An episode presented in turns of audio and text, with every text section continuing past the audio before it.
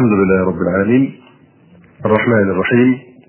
مالك يوم الدين والعاقبة للمتقين ولا عدوان إلا على الظالمين. وأشهد أن لا إله إلا الله وحده لا شريك له. وأشهد أن محمدا عبده ورسوله. اللهم صل على محمد وعلى آل محمد كما صليت على آل إبراهيم إنك حميد مجيد. اللهم بارك على محمد وعلى آل محمد كما باركت على آل إبراهيم إنك حميد مجيد. أما بعد فإن أصدق الحديث كتاب الله وأحسن الهدي هدي محمد صلى الله عليه وسلم وشر الأمور محدثاتها وكل محدثة بدعة وكل بدعة ضلالة وكل ضلالة في النار. ثم أما بعد في مثل هذا الوقت من كل عام قبل أن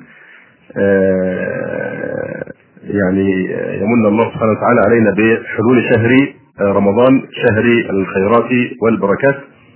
تعودنا في الكلام على التنبيهات المتعلقة برمضان المعظم. ولا ندري هل الظروف ستأتي يعني ستواتينا بعد ذلك أم يكون في شيء يعني شيء من ضيق الوقت. فمن أجل ذلك اضطررنا لدمج بعض المحاضرات أو يعني الاستعجال في إنهائها. وبما أن درء المضار مقدم على جلب المنافع فقد ركزنا هذا العام على أمرين. الأمر الأول التحذير من أكبر قاطع طريق إلى الله سبحانه وتعالى في شهر رمضان وهو هذا العجل الفضي وهذا العدو الذي تكلمنا عن صفاته وآثاره من خلال أسماء ذكرنا منها العجل الفضي ومدرسة الإجرام وملوث البيئة الأخلاقية ومخرب البيوت وهاتك الأستار ومبيد الغيرة ومحرقة الحياء ومذبح العفة وناسف الشرف ومأدبة الشيطان وعدو الصحة الجسمية والنفسية والمخدر الكهربي وأفيون الشعوب والمستعمر الإلكتروني ورسول التغريب ومنبر الدعاة إلى جهنم ودجال العصر وغاسل المخ ومطفئ نور القلب والقوقعة الآخرة وماسخ الفطرة والوالد البديل أو الوالد الثالث. فمن باب يعني ما كان يدعو به النبي صلى الله عليه وسلم وأسألك العزيمة على الرشد. أسألك العزيمة على الرشد يعني كان يسأل الله سبحانه وتعالى أن يوفقه أن يرزقه الهمة العاليه والعزيمة القوية والإرادة على أن يرشد أمره ويستقيم دينه فمن العزيمة على الرشد أن يتناصح المسلمون بأن يهجروا هذا العجل الفضي أو الملون وينشغلوا بما يحب الله سبحانه وتعالى أن ينشغلوا به سواء في عامة الأوقات أو رمضان الذي هو موسم الخيرات والطاعات. ونحن حينما نناقش هذا الموضوع فنحن ما ننظر إلى من يعيشون معنا في نفس السفينة بنظرة المتعالي أو المتكبر أو الذي ينظر إليهم يعني شذرا وباستعلاء وكبر وإنما نحن ننطلق من منطلق أننا جميعا ركاب سفينة واحدة. وهنا نتذكر قول النبي صلى الله عليه وسلم في هؤلاء الذين يعني لم ينكروا المنكر أو المثل الذي ضربه النبي عليه الصلاة والسلام لمن لا ينكر المنكر. طبعا قبل هذا نستدل بقوله تعالى واتقوا فتنة لا تصيبن الذين ظلموا منكم خاصة. فالنقمة والعذاب إذا نزل سيعم الجميع لن يستثنى أحد. كما قال النبي صلى الله عليه وسلم يهلكون مهلكا واحدا ثم يبعثون على نياتهم. وقال مؤمن آل فرعون يا قوم لكم الملك اليوم ظاهرين في الأرض فمن ينصرنا؟ كل كلنا مؤمنين وغيرهم. فمن ينصرنا من بأس الله إن جاءنا. فهؤلاء أرادوا أن يصنعوا أصغر سقط بحجة الا يؤذوا من فوقهم كي يستطيعوا أن يشربوا الماء دون أن يمروا على من فوق. فما فصلوا إلى أن أصغر ثقب سيتحول بركاب السفينة إلى أوسع قبر وهو البحر يغرقون فيه. فهذا هو يعني الحال وكثيرا ما ذكرناكم بقول النبي صلى الله عليه واله وسلم إنما مثلي ومثلكم كمثل رجل أوقد نارا فجعل الجنادب والفراش يقعن فيه فأخذ يذبهن بيده آه وأنتم آه تفلتون من يدي وأنا آخذ بحجزكم بحجزكم من النار وأنتم تفلتون من يدي. هذا هو المنطلق الذي ننطلق منه الرحمة بكل من ينتسب إلى الإسلام وإلى ملة خير الأنام صلى الله عليه وآله وسلم الذي قال أيضا في الحديث إن الله لا يضع رحمته إلا على رحيم. قالوا كلنا يرحم يا رسول الله. قال ليس برحمة أحدكم صاحبه ولكن يرحم الناس كافة. ف وقال صلى الله عليه وسلم في صفة أهل الجنة ورجل رحيم رقيق القلب بكل ذي قربى ومسلم. فالمنطلق هو الرحمة بأنفسنا وبأبنائنا وبإخواننا المسلمين وليس منطلق الاستعلاء أو الاستكثار آه، بقي عندنا آه، يعني نقطتان فقط في هذا البحث إحداهما آه، تتعلق بالشبهات التي يتذرع بها بعض الناس لتسويغ وتبرير استمرارهم في التبتل في محراب العجل الفضي. وفي الحقيقة بعد ما بيناه ما أظن أنه بقي يعني شبهه ما بعد ما بيناه من الأضرار والآثار الخطيرة لهذا الجهاز وعائلته. ما أظن أنه بقي يستقيم أن يقول انسان إن عنده نوع من الاشتباه في هذا الأمر. لكن الواقع أن كثيرا من الناس يتقنون فن خداع النفس. يتقنون فن كيف يخدعون يعني أنفسهم. وكيف يتقنون صناعة الشبهات وصناعة يعني التلبيس. مصداقا لقوله تعالى يوحي بعضهم إلى بعض زخرف القول غرورا. لابد يأتي بكلام مزين وكلام آه، يعني مزخرف آه، حتى يبهرجه على الناس ويخدعهم به. وصدق ما قاله بعض السلف رحمه الله تعالى آه، يعني في شأن الذين يتحايلون بالحيل حتى يحلوا ما حرم الله سبحانه وتعالى. قال يخادعون الله كأنما يخادعون صبيا في كتاب. لكم لا ترجون لله وقارا وقد خلقكم أطوارا. أليس يعني يلتزم هذا المبدأ آه، مثل هذا الشخص الذي يأتي ويقول أنا أقتني التلفزيون عشان أستمع للقرآن الذي يذاع في الساعة الثانية عشر آه، ليلا أن أريد أن أستمع القرآن أو ارى القرآن الذي يأتي في الجهاز هذا استخفاف بالعقول. أو الذي يقول أنا آتي به كي أتفرج على الشيخ الشعراوي وأتابع حديث الشيخ الشعراوي. هذا يعني كلام لا ينطلي على أي إنسان عاقل وإنما هو من نفس هذا الباب الذي قال فيه بعض السلف يخادعون الله عز وجل كأنما يخادعون صبيا في كتاب والعياذ بالله تعالى. وقد آه يعني حذرنا النبي صلى الله عليه وآله وسلم من هذا المسلك الذي يسلكه من لا خلاق له. آه فقال عليه الصلاة والسلام: يشرب أناس من امتي الخمر يسمونها بغير اسمها. يسمونها بغير اسمها وهذا واقع نراه. ما أكثر اسماء الآن التي تستر حقيقة الخمر. من ناحية الاسم لكن الحقيقة واحدة. لكن الاسماء مختلفة.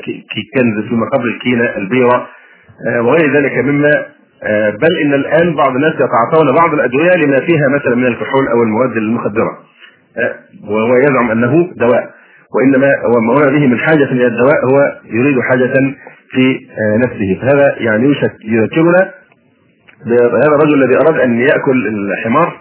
ويريد أن يقنع نفسه إن هو يعني بأن يأكل الحمار فينظر ويركز على اذنيه الطويلتين ثم يقول يا له من ارنب يا له من ارنب فالهوى الذي في داخله هو الذي يعني يسوغ له ذلك.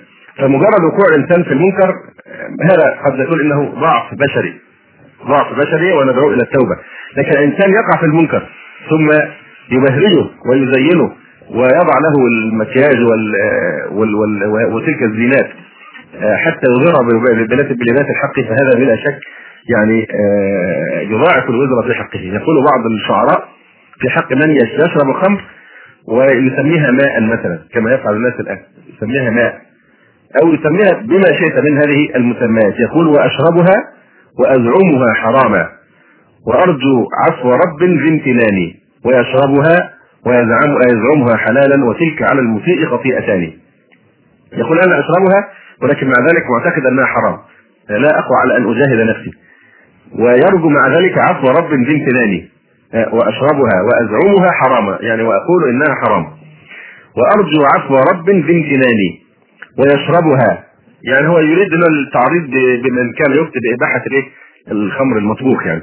ويشربها ويزعمها حلالا وتلك على المسيء خطيئتان. شرب الخمر ثم اعتقاد آه، حليتها. فيعني من صفات المسلم الصادق الإيمان أنه إذا بان له الحق أن يسارع إلى الانحياز إلى جانب الحق فورا. فهذا مما يمدح آه، به أهل الإيمان وأهل التقوى. خلافا لما آه، قال قوم نوح الضالون الكافرون حينما قالوا له وما نرى قالوا وما نراك اتبعك إلا الذين هم أراذلنا بادي الرأي. وما نرى لكم علينا من فضل بل نظنكم كاذبين. وما نرى لكم وما نراك اتبعك إلا الذين هم أراذلنا ضعفاؤنا وفقراؤنا. بادي الرأي يريدون بادي الرأي يعني انقادوا لك فورا. لم يفلسفوا الأمر ولم يعني يتمطعوا ولم يتعمقوا فيه. فهذا مما يمدح به الانسان ما دام الحق هو الذي ظهر لك فانقاد له في الحال كما فعل سحرة فرعون. بين لحظة أو بين طرفة عين وانتباهاتها انتقلوا تماما من الكفر إلى الإيمان. لما وضح الحق فهذه الصفة يمدح بها الإنسان أن أنه إذا بان له الحق ينقاد إليه فورا بلا تأخير ولا تأجيل. فهؤلاء السفهاء كانوا يقولون وما نراك اتبعك إلا الذين هم اراذلون بادي الرأي. ما حللوش المسألة وما عملوش إحصائيات ودراسات وفلسفوها. وانما انقادوا للحق وبمجرد أن وضح لهم الحق قالوا سمعنا وأطعنا. فهذه في الحقيقة صفة مدح لهم وليست صفة آه، ذم. فالمسلم الصادق في إيمانه يسارع إلى الانحياز لجانب الحق إذا بدت له معالمه فلا يكابر ولا يناور ولا يراوغ ولا يلتمس الأعذار لتقصيره أو أخطائه.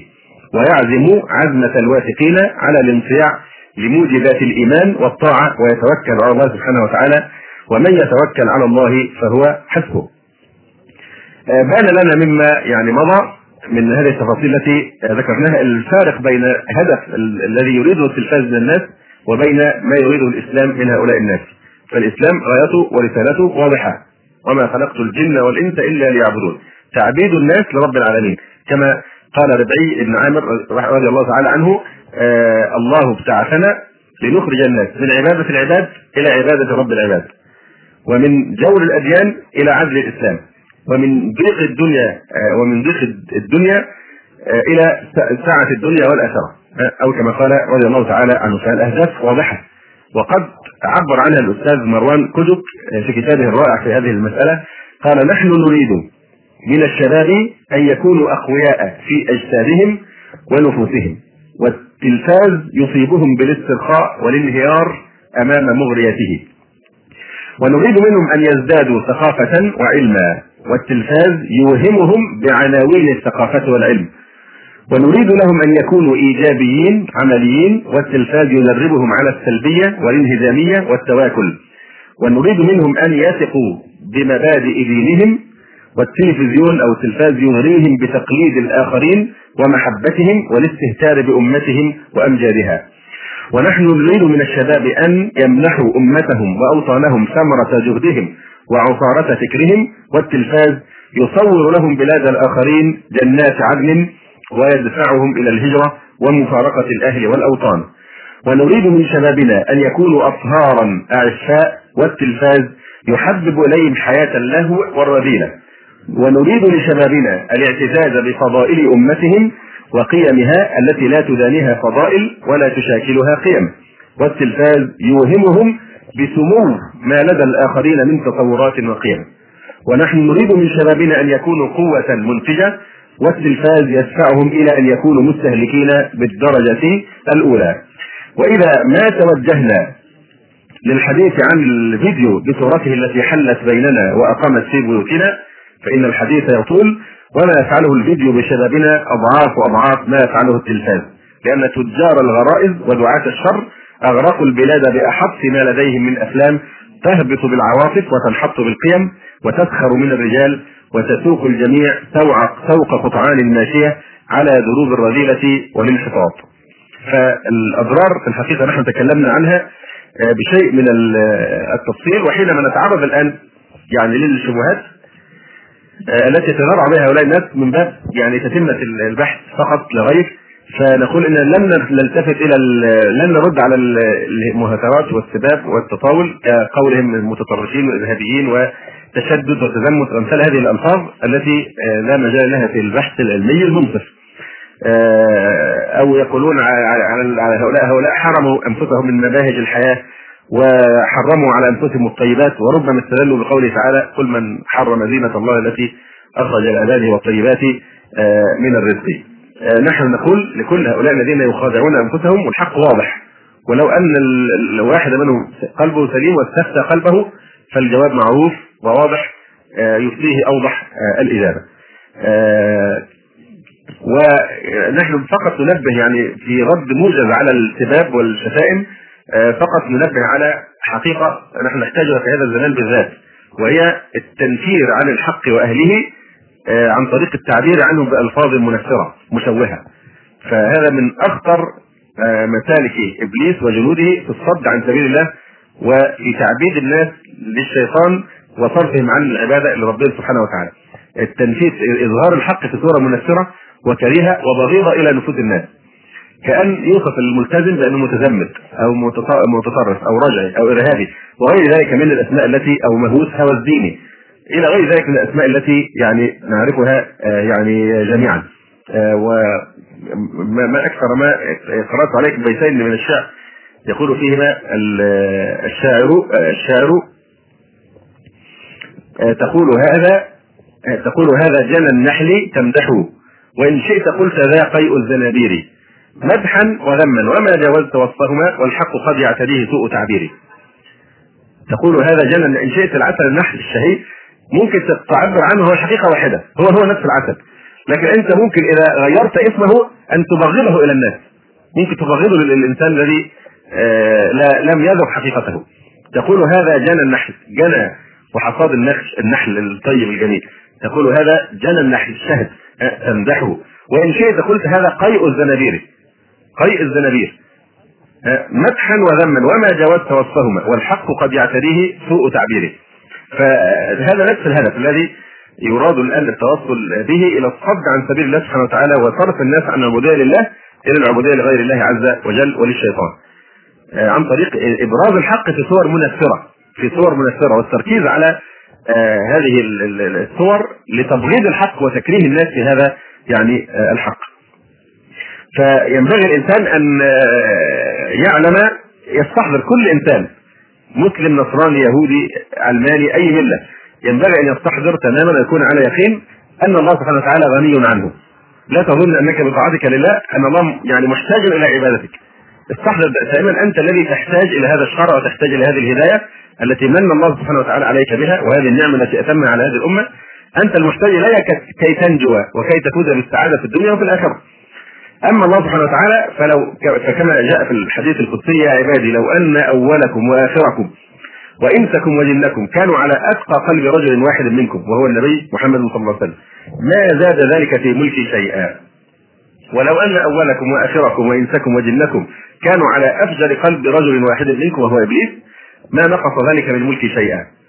يا عبادي لو أن أولكم وآخركم وإنسكم وجنكم قاموا في صعيد واحد ثم سالني كل واحد منهم مسألته ما نقص ذلك من ملكي إلا كما ينقص المخيط إذا أدخل البحر. هل الإبرة إذا أدخلت في المحيط الضخم وأخرجت هل تنقص هذا المحيط شيئا؟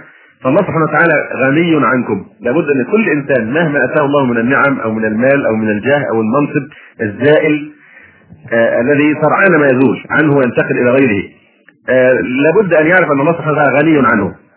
الله غني عنكم. كما قال تبارك وتعالى إن تكفروا فإن الله غني عنكم. ولا يرضى لعباده الكفر. وإن تشكروا يرضه لكم. وقال تبارك وتعالى آه أيضا آه في الحديث القدسي حديث أبي ذر آه يا عبادي إنكم لن تبلغوا نفعي فتنفعوني لن تقدروا ولن تستطيعوا. ولن تبلغوا ضري فتضروني. ولن تبلغوا ضري فتضروني. يا عبادي إنما هي أعمالكم أحصيها. لكم فمن وجد خيرا فليحمد الله. هذا من توفيق الله. وإن وجد غير ذلك فلا يلومن إلا نفسه. فنحن نذكر أنفسنا جميعا بقول النبي صلى الله عليه وسلم من يطع الله ورسوله فقد رشد.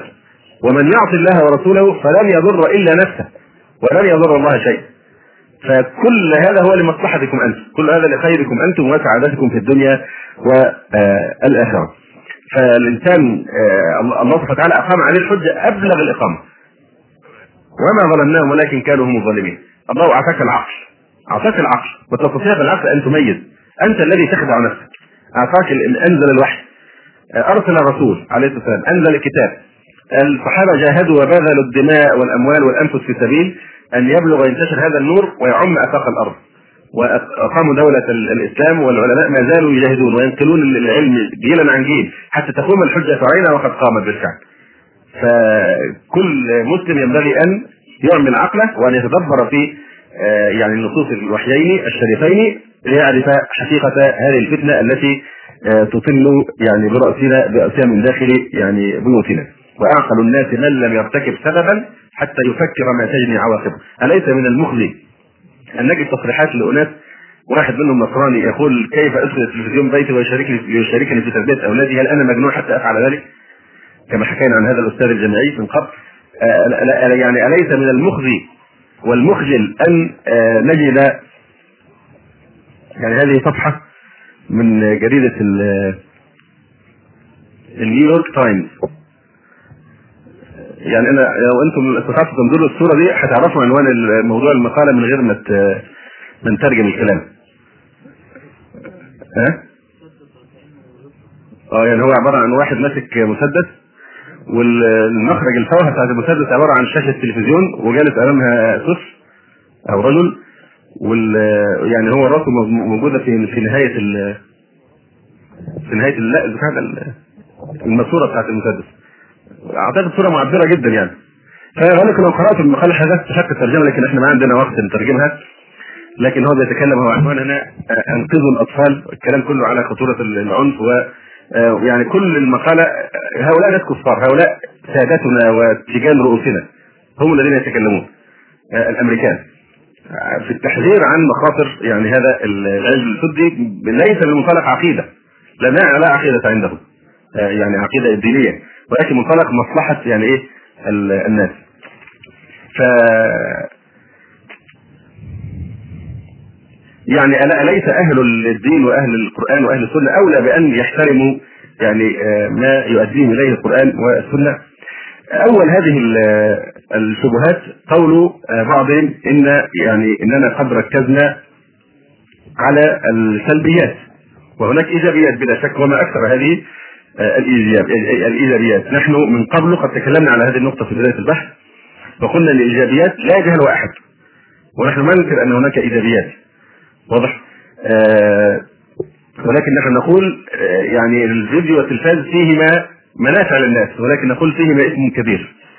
نقول فيهما اسم كبير ومنافع للناس واسمهما أكبر من نفعهما. الإنسان لما بيزن الأمور مش شرط بيكون بينظر فقط يعني يصح ان ينظر فقط للمنافع لكن عملية موازنة.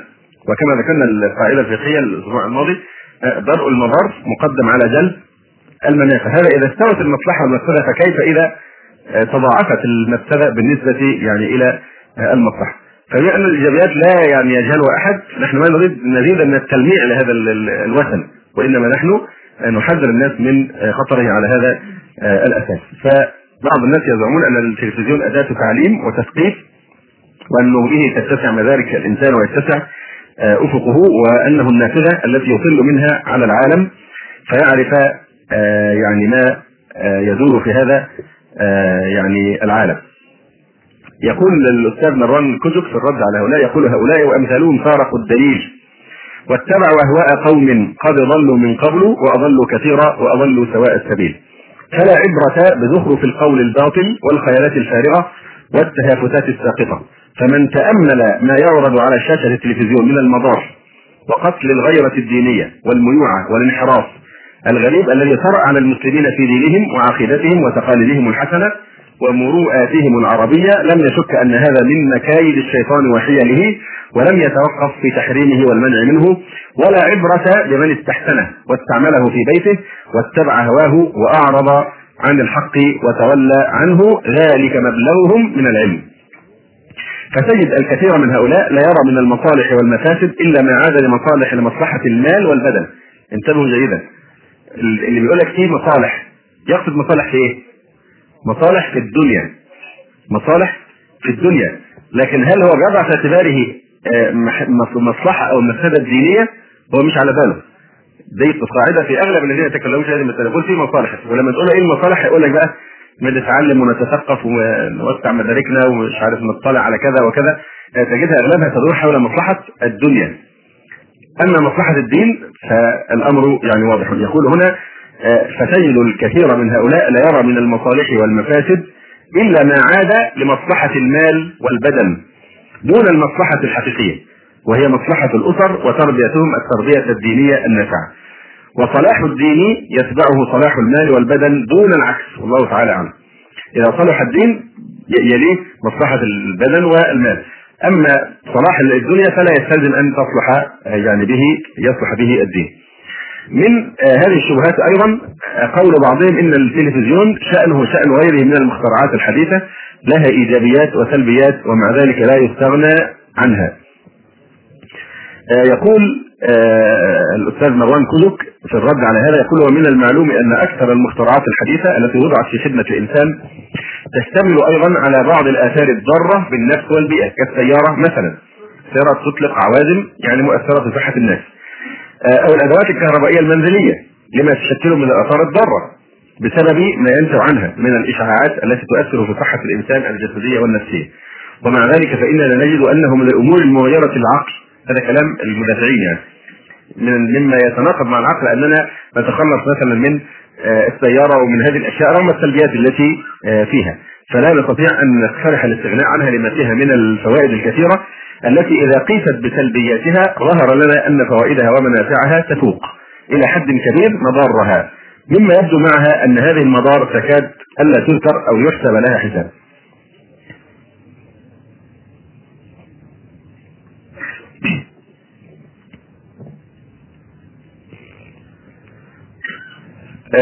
يقول في الجواب أما التلفزيون والفيديو أيضا على ما هو عليه من هيمنة جهات معينة لا تقيم للدين وزنا فيوجه الوجهه المعاكسة للتربية القويمة المتوازنة. فإنه بالتمشيط والدراسة المتأنية نجد بشكل يثير القلق أن مضاره وآثامه أكبر من نفعه. مما يدعون إلى اختيار الدعوة إلى الإحجام عن استعماله أو الركون إليه ولو مؤقتا إلى أن تنحاز برامجه إلى جانب الحق. ويغلب خيره شره. إذ ليس من العقل أو الإنصاف احتمال هذا الكم الهائل من الضرر في دين المرء ودنياه مقابل تلك الفوائد الضحلة التي لا تكاد تبين أو تذكر أمام هذا الركام المدمر من البرامج السيئة القصد. ثم يقول ما زال الغرب بحضارته التي تتآكل يوما بعد يوم. نهو أفئدة كثير من المشهورين بما يقدمه من المخترعات التي تغزو العالم أجمع؟ ويا ليت الأمر بقي في حيز الإعجاب بما ينفع الناس ولكنه تعدى ذلك عند كثير منا إلى أن تصبح القضية لديهم تقليدا أو اتباعا أو تبعية حتى أضحى كل ما يقذف به الغرب نحونا من أفكار أو عقائد أو ينشره بيننا غير خاضع للدراسة أو أو الريبة أو الريبة أو الرفض بل إنه موضع الرضا والتمسك والاعتزاز. والمسلمون لا يقولون برفض كل ما تنتجه الحضارة الغربية من آلات وأدوات أو أفكار تساهم في سعادة الإنسان وتخفيف آلامه ومساعدته على عبادة ربه. فلم نرفض استخدام السيارة أو الطائرة مثلا أو غير ذلك من تكنولوجيا الغرب ومستحدثاته. ولكننا نرفض الغاية والهدف من استخدام هذه الآلات والمعدات إذا كانت لا تلتقي مع عقائدنا وسلوكنا. إننا نرحب باستخدام هذه الآلات في طاعة ونرفض استخدامها في معصية. إننا مع الطائرة تنقلنا إلى مكة لأداء فريضة الحج أو العمرة أو أي طاعة أو أداء عمل مشروع آه، آه، أو ترويح عن النفس. ونرفض أن تنقلنا إلى مونت كارلو للمقامرة أو المرافقة أو أي معصية. إننا مع الطائرة تنقلنا إلى واشنطن أو موسكو. هذا كلامه هو يعني على مسؤوليته لدراسة الأساليب المتقدمة في الزراعة أو الصناعة أو الطب التي تفيد أمتنا. ولسنا مع الطائرة إذا نقلتنا هناك لنتعلم هناك دروس انتهاك الحرمات وأساليب التعذيب والاضطهاد. هذا موقفنا من أية آلة قبل أن تولد الآلة وهذا رأينا في الحدث قبل أن يقع الحدث. يقول وقد يكون لأية آلة تستعمل في المنزل احتمالات سيئة أثناء الاستخدام أو بغيره فأنبوبة الغاز قد تنفجر. والتيار الكهربائي يحمل معه احتمال التماس وإحداث الحريق وسكين المطبخ قد يستعمله الطفل في أذى أخيه أو نفسه إلى آخره. ومع ذلك فإن هذه الاحتمالات أو تلك لا تستدعي البتة الإحجام عن استعمالها واستخدامها في بيوتنا. لأنها قضية احتمالية فهي محكومة بقضاء الله عز وجل وبقدر الله. أما مسألة التلفاز فإنها شيء آخر تماما إذ لا نملك معه الدفاع عن أنفسنا. وذواتنا أمام الشحنات التربوية التي تتغلغل في أعماقنا وأعماق أبنائنا وهنا مكمن الخطر ونذير الشر. فهذه الأجهزة التي يقال إنها مثل التلفزيون لا مين قال ان الغسالة والثلاجة والأجهزة الكهربائية مثلا مثل التلفاز فهذه الأجهزة التي يقال إنها مثل التلفزيون لا مين قال ان الغسالة والثلاجة والأجهزة الكهربائية مثلا مثل التلفاز يعني هذه الأضرار التي تحصل مثلا من البوتاجاز مثلا محتمل لكن الغالب فيه السلامة. الغالب السلامة وإلا ما كان الناس أدخلتها البيوت. لكن هل التلفاز الغالب فيه السلامة؟ ثم إنك ممكن تتخذ بعض إجراءات للوقاية كال يعني مضخات الحريق التي تطفئ الحريق أو جهاز الإنذار إلى غير ذلك من الوسائل للإنذار والإنقاذ الناس من هذه من أضرار هذه الأشياء. ف, ف, ف يعني فكيف تتدافع أمام هذه الجرعات المسمومه التي يعني آه، يمد يمدك بها التلفاز نفسه. آه، نقل أيضا عن فضيلة الشيخ عبد الله بن حميد رحمه الله تعالى العالم الجليل آه، كلاما طيبا جدا في التحذير من هذه الفتنة وهذا كان من سنوات طويلة يعني قبل وفاة الشيخ رحمه الله. فما أدري ماذا كان يقول الشيخ اذا آه، يعني علم ما وصل إلى الحال الان في هذا الزمان. يقول رحمه الله أيها المسلمون ما لي أراكم تتحمسون وتقومون من أجل قليل من حطام الدنيا أو شبر من الأرض يتعدى يتعدى عليه من بعضكم لبعض أو من دولة مجاورة فتزأرون من أجله وتقومون وتقعدون وتجندون كل الإمكانيات لحماية لهذا الشبر ولا أراكم تتحمسون لدينكم ولا تغارون من أجل الشرف والعرض الذي ديست كرامته فأي الشيئين أهم وأقدس. أوامر دينكم والتمسك بتعاليم إسلامكم أم حطام يسير من الدنيا أو شبر من أرض أحدكم تعدى عليه الآخر؟ نرى منكم في الهين البسيط الحماسة والتفاني ولا نرى منكم نحو الأهم الخطير إلا التهاون آه، والتواني تتقون وتخشون عدوا من العباد ولا تخشون ولا تخشون عدوا في أنفسكم اسمه الفساد. يقتل النفوس ويستحيي الأجساد. ألا ومنه التلفزيون المعروض على شاشته حفلة خليعة ومرقص وتمثيلية ومسرح وأغنية غرام التي هي رقية زنا. آه ثم يقول ألا تنتبهوا أيها المسلمون ونصحوا بعضكم بعضا ممن انتهى ممن انتهن أوامر الإسلام ونبهوا من خرج على الآداب والاحتشام. وحاربوا هذا الداء الوبيل الذي يسلك ويهتك بالاعراض والأجسام. فلا تعتبر نصوص ألفت الفاسد. يعني لا تغتر بإنسان أشرب في قلبه حب هذا المنكر. يعني لأنه لا ينطلق إلا من منطلق الهوى. لا يعرف معروفا ولا ينكر منكرا إلا ما أشرب من هواه. فهذا لا يصلح معيارا آه، يقاس به آه، هذا يعني الشيء. آه، فيقول هنا فلا تعتبر فلا تعتبر انوف انوف نفوس ألفت الفاسد. فصارت عميا لا ترى للحق نورا ولا تعرف للفضيلة جمالا. ويظهر أمامها الحق جليا ساطعا نوره فتراه باطلا مظلما. وتتجلى بين يديها الفضائل فتراها رذائل. فهذه النصوص الدنيئة القذرة هي بالحسرات أشبه وبالديدان أقرب. يتعذر إقناعها ويستعصي على الدعاة الناصحين علاجها. فمن على فمن العناء معالجة الهرم ومن التعذيب تهذيب الذيب. لأن أمثال هؤلاء لا يميلون إلى الرشد ولا إلى طلب الحقائق والفضائل. وقد تستحسن بعض العقول. استعمال هذه الآلة المسماة بالتلفاز ظنا منها أنها أداة تثقيف وتعليم.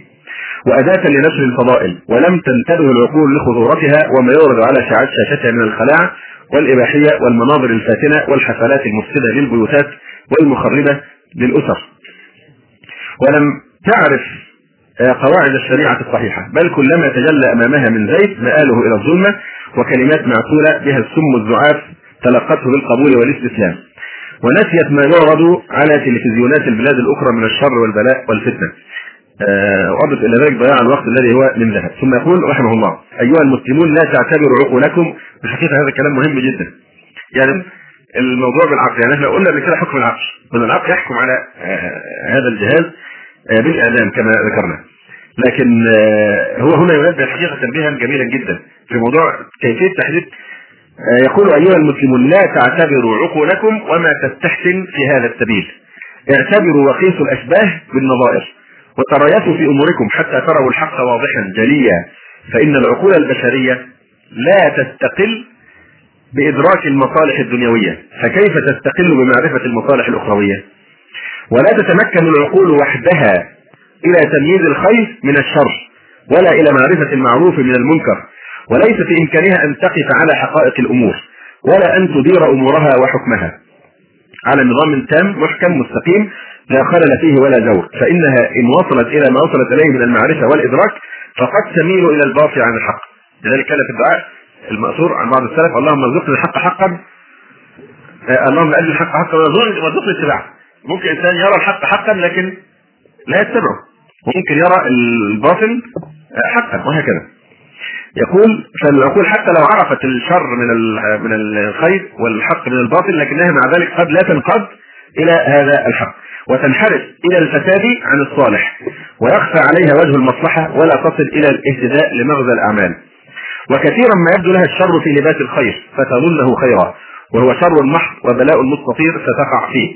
وكثيرا ما ظهر لها الخير فتظنه شرا لعجزها عن إدراك الحقائق فتقع فيه. وعسى أن تكرهوا شيئا وهو خير لكم وعسى أن تحبوا شيئا وهو شر لكم والله يعلم وأنتم لا تعلمون. هذا خلاصة كلام العلامة آه، عبد الله بن حميد رحمه الله تعالى. فالشاهد من هذا الكلام يعني آه، أن الذي يحسم هذه القضية هو نور الوحي. نور الوحيين الشريفين كما بينا من قبل. آه، بعض الناس من شبهاتهم أيضا أنهم يقولون إنه مجرد جهاز تسلية. لا أكثر هذا جهاز كهربائي يعني للتسلية وأنتم تبالغون في ذمه والتحذير منه وطبعا لن أو سوف تسعفهم الذاكرة بسرعة بإيه؟ بأن الرسول عليه السلام قال يعني يا حظل ساعة وساعة وربما نسبوا إليه يعني حديث هم يصنعونها ساعة لربك وساعة لقلبك أو إلى آخره. ف يعني الجواب هو أن ما لا يأخذه الإنسان مأخذ الجد هو الذي يؤثر فيه أبلغ الأثر. الشيء الإنسان لا يأخذه بجدية شديدة هذا ينفذ إلى نفسه وإلى أعماقه أبلغ من الكلام المباشر. فالترفيه التلفزيوني ليس أمر يمكن التهوين من شأنه بل إن للجهاز جاذبية وسحرا لأنه يتحرك ويأثر ويخلب الألباب ويتضافر فيه الشكل مع المضمون يقول الباحث الألماني مارتن كايل هيكر يقول إن أطفال اليوم ليسوا مشاهدين فقط وإنما هم شركاء في الأحداث والتمثيل. فهم يعيشون الحدث ويشاركون فيه ويتأثرون بالتجربة تاثرا واقعيا حيا. إن هذا الجهاز وإن بدا للبعض إن هذا الجهاز وإن بدا للبعض أنه ممتع ومسل ومفيد إلا أنه في حقيقة الأمر يحمل في ثناياه معاول هدم وتدمير للتحصينات الأخلاقية يقول الشاعر إن الأفاعي وإن لامت ملامسها عند التقلب في أنيابها العصب وإن أوضح دليل على ما ذكرنا هو تلك الأضرار المحسوسة التي سبق بيان أنها من ثمرات العكوف أمام هذا الشيطان المريض. آه وكشان كل الأمراض يعني الأمراض في الغالب بيكون المرض إيه؟ في فترة حضانة فترة الحضانه يعني هي الفترة من بين دخول ال ال ال ال الميكروب للجسم إلى ظهور أول أول عرض من أعراض المرض. يعني مثلا ممكن الإيدز تستمر فترة الحضانه بتاعته 10 سنوات. يبقى هو حامل الإيد وما يظهر عليه لحد بعد 10 سنوات. ممكن أحيانا بعض الأمراض يكون تاخد ثلاث أيام زي البرد العادي وهذه الأشياء. الشاهد يعني زي ما كل مثل ما كل مرض له فترة حضانة كذلك مرض الافتتان بالتلفاز له فترة حضانة في يعني في كما يعني يعني يذكر يذكر أو يعني يثبت العلماء المحققون أن الآثار الناجمة عن التلفاز والفيديو لا تظهر عقب التعرض للمشاهدة مباشره مش هو بينظر للتلفزيون على طول بينقلب بين راسنا عقب. لا هي بتيجي على المدى. لابد لها من فترة حضانة كالأمراض. ولا تأتي بقوة اندفاعية كاملة لأن التاثير التلفزيوني تأثير تراكمي. تأثير تراكمي عادة كالإناء الذي تتسرب إليه المياه قليلة بطيئة. إناء تسقط فيه المياه وتدخل فيه المياه تتسرب إليه. رويدا رويدا ببطء شديد. حتى إذا امتلأ وامتلأ يحصل فيضان وحينئذ يعني يثير الانتباه. أو كالجذور الخبيثة التي تتعمق في داخل الإنسان وكلما تعمقت فإن الرأس النامي للشر يندفع بقوة أكثر نحو السطح حتى يصل يوما بأفرعه المتعددة.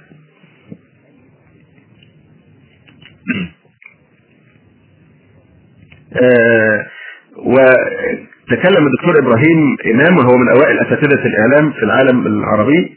أيضا تكلم في الحقيقة بتفاصيل شديدة. آه، تفاصيل يعني بحوث آه، إحصائية وعلمية مفصلة يعني تؤكد كلها. هذا الأمر الذي أشرنا إليه وهو أن التأثير التلفاز يكون تأثير تراكمي يعني بمرور الوقت بتظهر الآثار وليست تظهر فجأة. فهذا هو السر في أن بعض الناس يعني إيه يدافعون عنه لأنهم ما زالوا بعد في إيه في فترة الحضانة.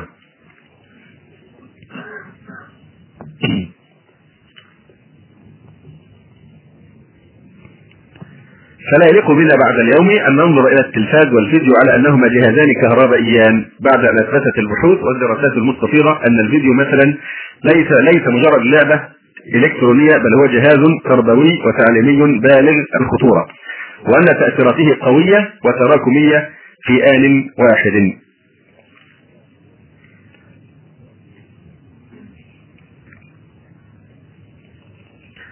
وسبق الكلام بالتفصيل على آثاره التربوية المدمرة. أما استدلالهم بحديث آه، قول الذي فيه قول النبي صلى الله عليه وسلم لحنظله يا حنظلة ساعة وساعة آه، يعني بذلك إباحة له والترفيه عن النفس. آه، أو بالمثل أو الكلمة المشهورة على ألسنة الناس ساعة لربك وساعة لقلبك. هذه القسمة الحقيقة قسمة ضيزه المسلم لا يعرف هذه القسمه ساعة بالمفهوم الذي هم يستعملونها فيه مش ساعة وساعة يعني ساعة لله المباح أو البريء وساعة للعبادة لا. هم بيستعملوا بهذه الكلمة ويستدلون بها دائما في إيه؟ في تسوير المعاصي والتفريط يقول لك ساعة لربك وساعة لقلبك. أما المسلم الموحد فكل ساعاته لله كما آه، يعني كما قال تعالى قل إن صلاتي ونسكي ومحياي ومماتي لله رب العالمين. لا شريك له وبذلك أمرت وأنا أول المسلمين. ف يعني كل حياة المسلم هي عباده لله سبحانه وتعالى. واضح؟ حتى الراحه أو اللهو إنما هو يعني يستجم كي يتزود طاقة ويبدأ العمل من جديد. فإذا فرغت فانصب وإلى ربك فارغب أما يعني إن, إن الإنسان يقول ساعه لربك وساعه لقلبك بمعنى ساعه لربك في المسجد تعبد الله ثم إذا خرجت من المسجد ممكن تتصرف بما يحلو لك. ما دام اتيت حق الله في العبادة لك بعد ذلك أن تفعل ما شئت من هذه المعاصي والمحرمات. ففي هذه الحالة لن تكون بقى ساعة لربك وساعة لقلبك هي ساعة لربك وساعة لشيطانك. أو ساعة لربك وساعة لقلبك المريض. بالهوى. فالله عز وجل أغنى الأغنياء عن الشرك. من أين أتيتم بهذه القسمة؟ فكل ساعات المسلم الموحد لله سبحانه وتعالى. ومن يريد ترويح النفس نحن ما ننكر حق النفس في الترويح لكن يعني في حدود ما أحل الله سبحانه وتعالى. يقول آه الإمام أبو حامد الغزالي رحمه الله تعالى اللهو مروح للقلب ومخفف عنه أعباء الفكر والقلوب إذا أكرهت عميت وترويحها إعانة لها على الجد. فاللهو دواء القلب من داء الإعياء والملال فينبغي أن يكون مباحا ولكن لا ينبغي أن يستكثر منه كما لا يستكثر من الدواء. وقد قال النبي صلى الله عليه وسلم كل ما يلهو به الرجل المسلم باطل إلا رمية بقوس آه، آه، أو تأديبه فرسه وملاعبته أهله فإنهن من الحق فكل لهو يلهو ابن آدم فهو لهو باطل ما عدا هذه الثلاثة التي استثناها النبي صلى الله عليه وسلم. وهذه الحقيقة هذه الأشياء أنت لو تأملتها ستجدها معينة على حق وسائل تعين على آه، الحق. يعني فالرمي بالقوس أو تاديب الفرس ويعني غير ذلك مما يستعان به آه، يعني على الحق وعلى الطاعة. نعم. يعني آه، ولذلك الواحد في الموضوع الرياضة انحرفت عن المسار الحقيقي لها. يعني الرياضة المفروض انها تكون رياضة نافعة للبدن أساسا. تنفع البدن. يعني تقوي العضلات مثلا أو آه، تزيد اللياقة وغير ذلك من الفوائد الصحية المعروفة للرياضة. لكن انتقال الرياضة من يعني رياضة نافعة إلى هذا الاستعداد الذي يحصل عن طريق الدوري والكرة و حتى إن النساء بيدخلوا كمان في الموضوع يتعصبوا للفريق ويكون الموضوع. يعني إيه؟ متابعة الرياضة كنوع من الهوى أو الشهوة آه، والتنافس على الفوز بهذه الأشياء دون أن ما الفائده التي يستفيدها الإنسان نفسه المشاهد. هو جسمه بيستفيد إيه؟ بالعكس جسمه بيتضرر من الجلسة الطويلة أمام الأجل الطبي. مفيش حركة مفيش اذا بالذات اذا أكل كمان وهو بيتفرج. الأكل التلفزيوني المعروف آه، والمضر جدا بالصحة طبعا انه يزدرب ويلتهم دون أن يشرب. واضح؟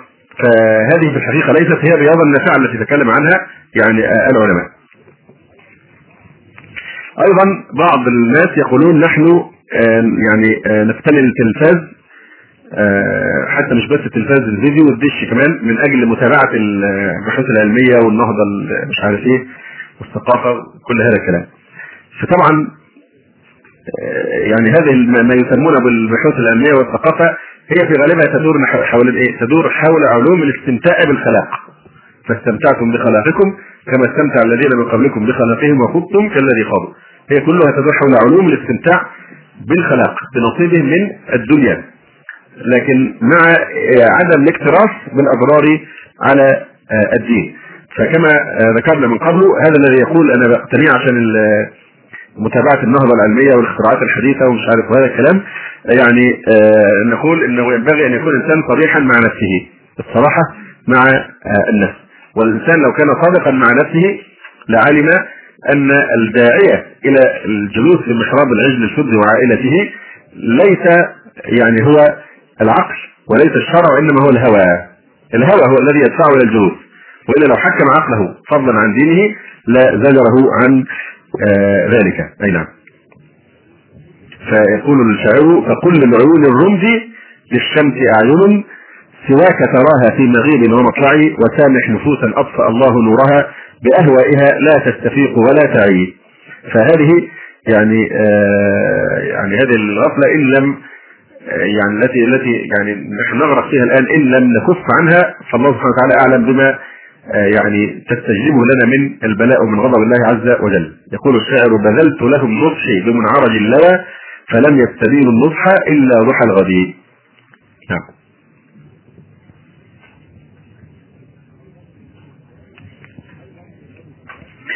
أيضا من هذه الشبهات ما أشرنا إليه من قبل أن بعضهم يقول أنا بقتنيه من أجل الشيخ الشعراوي. والله الشيخ الشعراوي لو يعني لو تأمل في الأمر لخاصم التلفزيون خالص عشان الناس ما تحججش بيه وتقع في هذه المفاسد يعني. أي نعم. أو ان أنا بجيبه عشان أسمع القرآن الكريم إلى غير هذا الكلام ف يعني نقول إن التلفاز يعاني من مرض معروف مرض نفسي وهو مرض الشخصية المزدوجة الزواج الايه الشخصية. والتناقض تناقض بين القيم المتناثرة في هذا الجهاز الواحد. فالجهاز يذيع القرآن الكريم أو برامج يعني يسمونها دينية من باب غر الرماد في العيون. لأن هذا نفس الجهاز ونفس القناة ويمكن بعدها بشيء بسيط هو هو نفسه سيذيع الرقص والغناء والفساد المحلي والمستورد بالوانه وأشكاله. والذي يبدو أن وجود هذه البرامج الدينية ليس عن قناعة بها وإنما يأتي تمشيا مع نمط سائد في المجتمع. إيه هو النمط السائد ده بنلاحظه في مش بس في التلفزيون ده هو نمط سائد في المجتمع أنت لو سافرت مثلا وابتليت بركوب البيجو للقاهره مثلا ماذا يحصل؟ الواحد لو ماشي الساعة 6 صباحا أو 7 الراجل يعمل إيه الأول؟ يشغل أول القرآن وبعدين كأنه ماشي إذاعة يعني بيستفتح بالقرآن وبعد ذلك لا يبالي بما يأتي بعده يعني فإذا جيت تتكلم معاه تدخل بقى في المحاورات التي لا تنتهي والتي تجسد قول الإمام الشافعي نظرت يعني عشرة من العلماء فغلبتهم ونظرني جاهل واحد فغلبني الكلام لا خطام له ولا ذمام الشاهد يعني من الكلام هذا النمط سائد في المجتمع. جمع بين المتناقضات دون أن نتأمل وندرك هذا التناقض الذي نحن نعيش فيه. تناقضات كثيرة في مجتمعنا. الرجل يسيب بنته ماشية في الشارع تعرض زينتها للناظرين متبرجة شعرها مكشوف وساقها مكشوفه ذراعها مكشوف. واضح؟ وتختلط في المواصلات وفي الجامعة وفي كل مكان. ثم إذا جاء واحد يخطبها من مقتضيات الحشمة بقى والغيرة والرجولة والمروءة إن هي ما يخليش يشوفها. فان هي تظهر في الشارع للناظرين كلهم. تأتي حيث أباح الله سبحانه وتعالى النظر وتمنعهم من رؤيتها. تناقضات غريبة في الحقيقة في مجتمعنا. واضح. غير يعني عملية تسخير النصوص الدينية لبعض الأهداف. فمثلا يعني مثلا ممكن حفل غنائي مثلا كما كنا نسمع من زمان نقرأ في الجرايد ظل عبد الوهاب قبل ما تغني أم كلثوم الأغنية ظل وراء الكواليس يبتهل إلى الله سبحانه وتعالى يقرا الفاتحه حتى تلقى يعني تلقاها الجمهور بقبول انظر إلى التلبيس. والتلبيس وصل إلى أي مدى؟ يقرأ الفاتحة في زعمه أو يتباهى يبتهل إلى الله حتى تنجح الأغنية. لا حول ولا قوة إلا بالله. يعني تنقل الحقيقة غريب جدا. عقول عقول الناس ذهبت. صارت هباء كما أخبر النبي صلى الله عليه وسلم.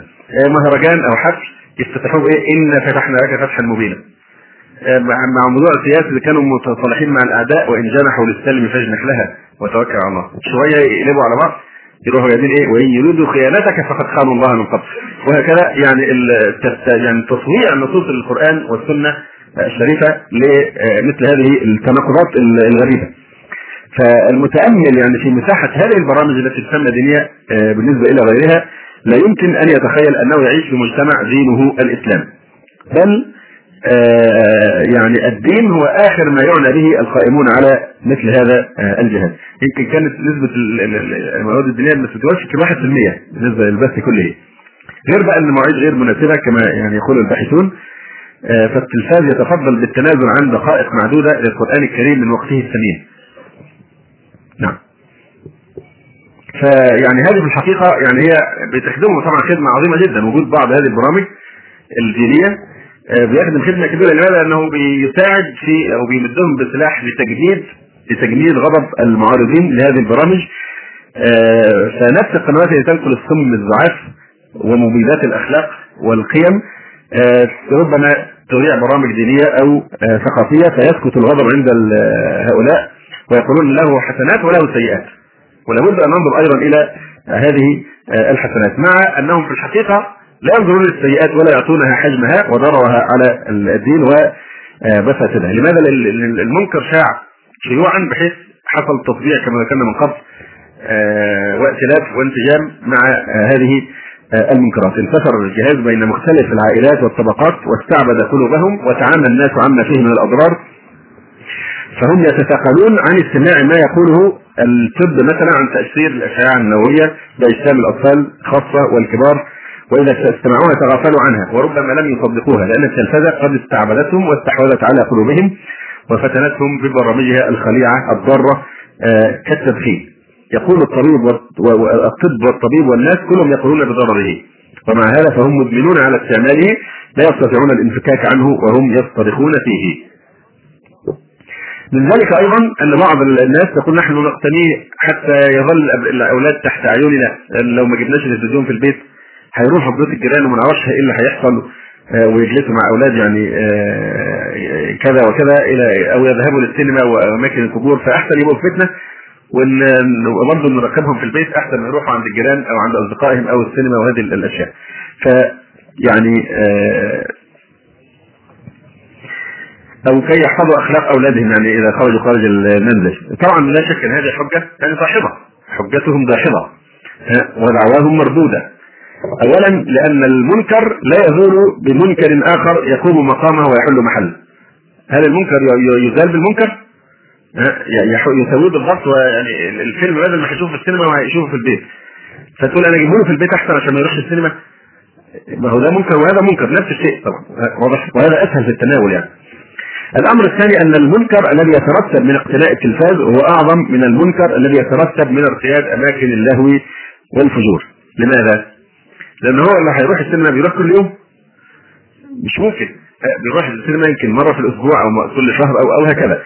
أما التلفاز أو الفيديو فموجود أمامه. 24 ساعة يستطيع أن يرى الأفلام أو التمثيليات أو هذه الأشياء.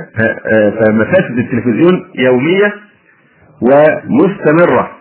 يراها الصغير والكبير والصالح والصالح والفتاة والشاب والمراهق والرجل أما ارتياد دور اللهو والفجور والسينما فإنها مقصودة وموسمية ومحددة بأوقات معينة وقاصرة فقط على هؤلاء الأولاد المنحرفين والكبار الفاسقين أيضا المنحرفين. أما دعوى أن وجود التلفاز يحجب الأولاد عن الذهاب إلى بيوت الأقرباء والجيران فهي دعوى غير صحيحة لأن التربية من قبل الأبوين حينما تكون حكيمة وحازمة فالأولاد يمتنعون عن الخلطة الفاسدة ويكفون عن خروجهم بلا استئذان بل لا يمكنهم بحال أن يضيعوا أوقاتهم في العبث واللهو والحياة الآثمة. آه فطبعا يعني بمعنى ذلك إن أنت بتعترف إن زمام التربية فلت خالص ما تستطيع ابدا أن توجه أولادك آه والله سبحانه وتعالى يقول لك آه يا أيها الذين آمنوا قوا أنفسكم وأهليكم نارا وقودها الناس والحجاره. فهذا أمر بالتعليم وبالتربية وبالتأديب. والنبي صلى الله عليه وسلم يقول إن الله سائل كل راع عما استرعاه حتى لا يسأل الرجل عن أهل بيته. فماذا عادة هذا الجواب هتقول له أنا عشان ما يروحوش عند الجيران جبت لهم تلفزيون في البيت هل هذا جواب؟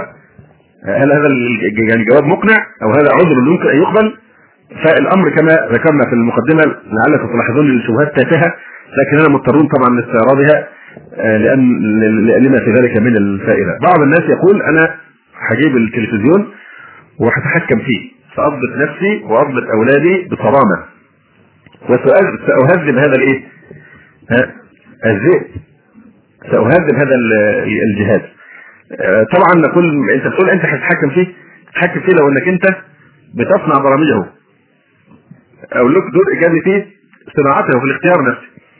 آه، لكن في الحقيقة الذي هو الذي يتحكم فيك في الحقيقة. هو الذي سوف يتحكم فيك. أما أنت تتحكم فيه فده لما تكون انت مثلا مدير المحطة أو موجود نظام زي نظام الكابلات الموجود في الغرب ممكن طبعا لو لو يعني كما توجد في بعض البلاد الأوروبية أو تقريبا كلها والغرب يعني إن بتبقى في كابلات ممكن مثلا ناس مسلمين ملتزمين بالدين بيعملوا نظام الكابل باشتراك مادي وبيبث لهم برامج دينية مثلا أو تعليمية وغير ذلك نعم ممكن لكن فين الكلام ده يحصل؟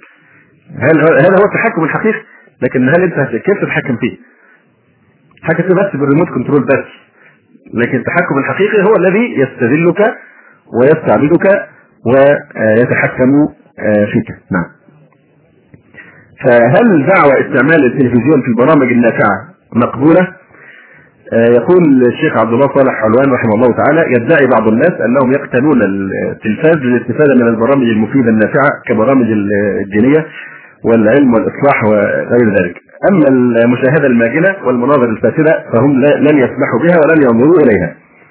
ولكن في الحقيقة أن هذا الادعاء لا يمت إلى الواقع والتنفيذ بصلة أبدا.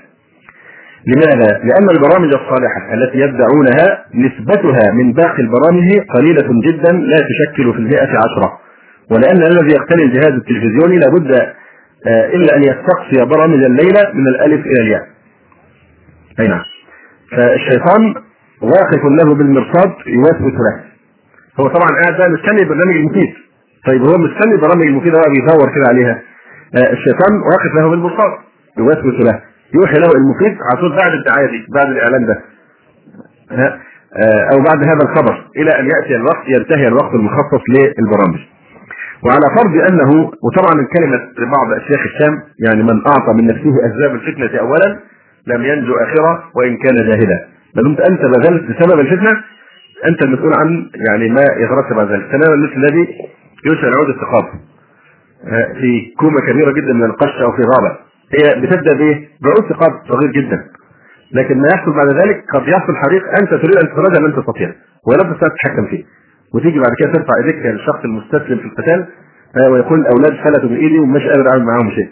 آه، أنت الذي أحضرته يدك اوكتا وفوك نفخ ثم تزعم أنك تستطيع تهديد الذئب تزعم أن انت الذئب ستتغير طبعه وتتغير يعني أخلاقه كما قال الشاعر أو بتعبير ادق قالت قالت المرأة العربية التي حكينا لكم عنها من قبل إن لما ولد يعني وجد الذئب مولود حديثا فأخذته ربته على على لبن شاة يعني جعلت الشاة هي التي ترضعه. على أمل ان يطلع ذئب يعني وديع مثل الشاة التي أرضعته.